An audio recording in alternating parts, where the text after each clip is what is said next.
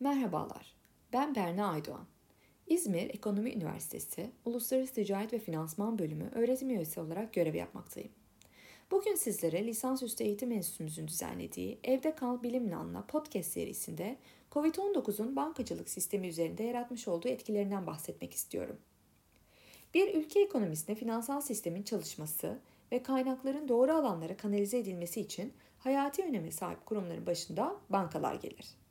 Covid-19 gibi küresel ve ciddi sağlık riskleri taşıyan bir salgının yayılımının her geçen gün artması ve sosyal izolasyonun genişletilmesi her sektörü olduğu gibi bankacılık sektörünü de etkiledi.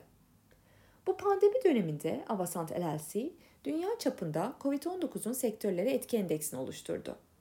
11 ana sektörde personel, operasyonlar, tedarik zinciri ve gelirler dikkate alınarak hazırlanan etki endeksinde en sert şekilde etkilenen sektörler imalat, seyahat ve ulaşım iken buna karşın ılımlı bir seviyede etkilenen sektörlerin ise banka, finansal servisler ve sigorta ve kamu sektörü olduğu gözlemlenmiştir.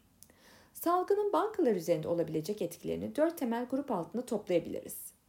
İlk olarak bankaların operasyonel alanda yaratmış olduğu etkilerinden bahsetmek istiyorum. Bankaların operasyonel işleyişlerini COVID-19 salgınının ekonomik ve sosyal etkileri doğrultusunda şekillendirmesi gerekince uzaktan çalışma ve fiziksel bankacılığa erişimin sınırlandırılması gibi kriz yönetimi eylem planları hazırlanıp hayata geçirildi. Bankalar için temel unsurların başında güçlü operasyonel esneklik ve iş sürekliliği planlaması olacaktır. Bankalar çalışanların güvenli bir şekilde işlerine devam etmelerini sağlamakta ve teknik altyapının bunu imkan tanımasına yönelik aksiyonları alarak daha fazla çalışanın evden çalışmasını sağlayacak şekilde çalışma düzenlerini değiştirmektedir. Buna göre personelin bir kısmı sahada iki hafta süreyle çalışırken diğerleri uzaktan çalışmakta ve sonra hafta var diye değiştirmektedirler. Fon transfer işlemi gibi temel faaliyetler için bankalar bağımsız bir personel grubunu devreye sokarak yedek sahalarını aktif hale getiriyorlar. İç ve dış tüm paydaşlar ile iletişimi düzenli bir şekilde gerçekleştirmeye çalışıyorlar. Bu faaliyetlerin yönetimi CEO önderliğinde farklı fonksiyonlardan uzman yöneticilerin dahil olduğu bir kriz yönetim ekibi tarafından koordine edilmeye çalışılıyor. Bankaların yıllardır yatırım yaptığı dijital kanallar da zor geçen günlerde kurtarıcı oldu.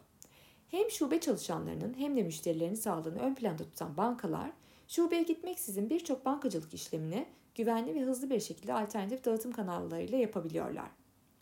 Salgının bankalar üzerinde olabilecek bir diğer etkisi ise kredi riski, gelir kaybı ve likiditedir. Krizin devam etmesiyle birlikte düşen güven ortamı neticesinde bankalar kredilerin tahsilatlarında zorluk yaşamaya başlayabilirler. Her ne kadar bireysel dijital bankacılık etkileşimleri çok azalmasa da ticari hayatın yavaşlaması, örneğin sigorta, vergi sistemleri ve ihale portalleri etkileşimlerinin ciddi oranda azalması ile düşen işlem hacimleri neticesinde gelirlerde azalma beklenecektir. Öngörülemeyen ve bir çığ gibi büyüyen virüs riski olağanüstü bir belirsizlik yaratarak bankaların likiditeleri, riskli varlık miktarları, karlılıkları ve sermaye yeterliklerini olumsuz etki edebilecektir. Bu ortamda bankalar farklı varsayımlar altında senaryo analizleri yaparak ileride oluşabilecek finansal etkileri yönetmeyi hedeflemelidirler. Bir diğer sayabileceğimiz etki ise müşteri davranışlarındaki değişimden kaynaklanabilir. Covid-19 müşterilerin ihtiyaç, tüketim ve davranışlarında değişmeye yol açacaktır. Harcama eğilimlerindeki azalma ile beraber alternatif dağıtım kanallarının daha aktif bir şekilde kullanılması beklenecektir. Bankalar müşterilerini farklı kriterlere göre segmentlere ayırarak değişen müşteri davranışlarına göre hizmet alanlarını çeşitlendirmeleri ve müşterilerine özel imkanlar sunmalıdırlar. Müşterileri bankacılık işlemlerini vekalet yoluyla veya şube dışı dijital kanallar üzerinden almaya yönlendiren bilgilendirmeler yapılıyor. Zorlukları kolaylamanın en etkin yolunun açık iletişim, karşılıklı anlayış ve işbirliği olduğu bilinciyle bankalar tüm imkanlarıyla hizmet vermeye devam ediyor. Ve son olarak salgının bankalar üzerinde olabilecek bir diğer etkisi olarak fonlama yapısı ve maliyetini sayabiliriz. Gerek Merkez Bankası, gerekse ekonomi yönetimi, koronavirüs salgını sebebiyle ülkemizin içinde bulunduğu olağanüstü dönemde gerek toplum sağlığını korumak, gerekse salgının ekonomik etkilerini azaltabilmek amacıyla müşterilerine yönelik ekonomik destek paketlerini açıkladılar.